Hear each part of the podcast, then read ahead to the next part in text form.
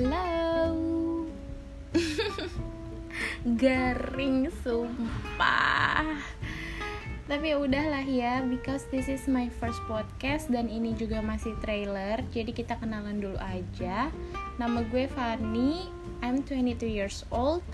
Um, Kerjaan sehari-hari gue itu ya masih di atas kasur Guling-gulingan di kasur Main handphone Update berita dari Lambe Tura, Ya masih kayak gitu dan gue juga nggak tahu ya ini podcast bakalan ke mana nantinya alurnya itu ceritanya bakalan cerita pengalaman pribadi kah?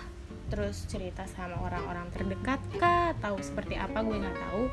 Jadi tetap dengerin aja suara Fanny karena nanti bakalan ada suara-suara yang nggak begitu merdu tapi bisa nemenin kalian. So see you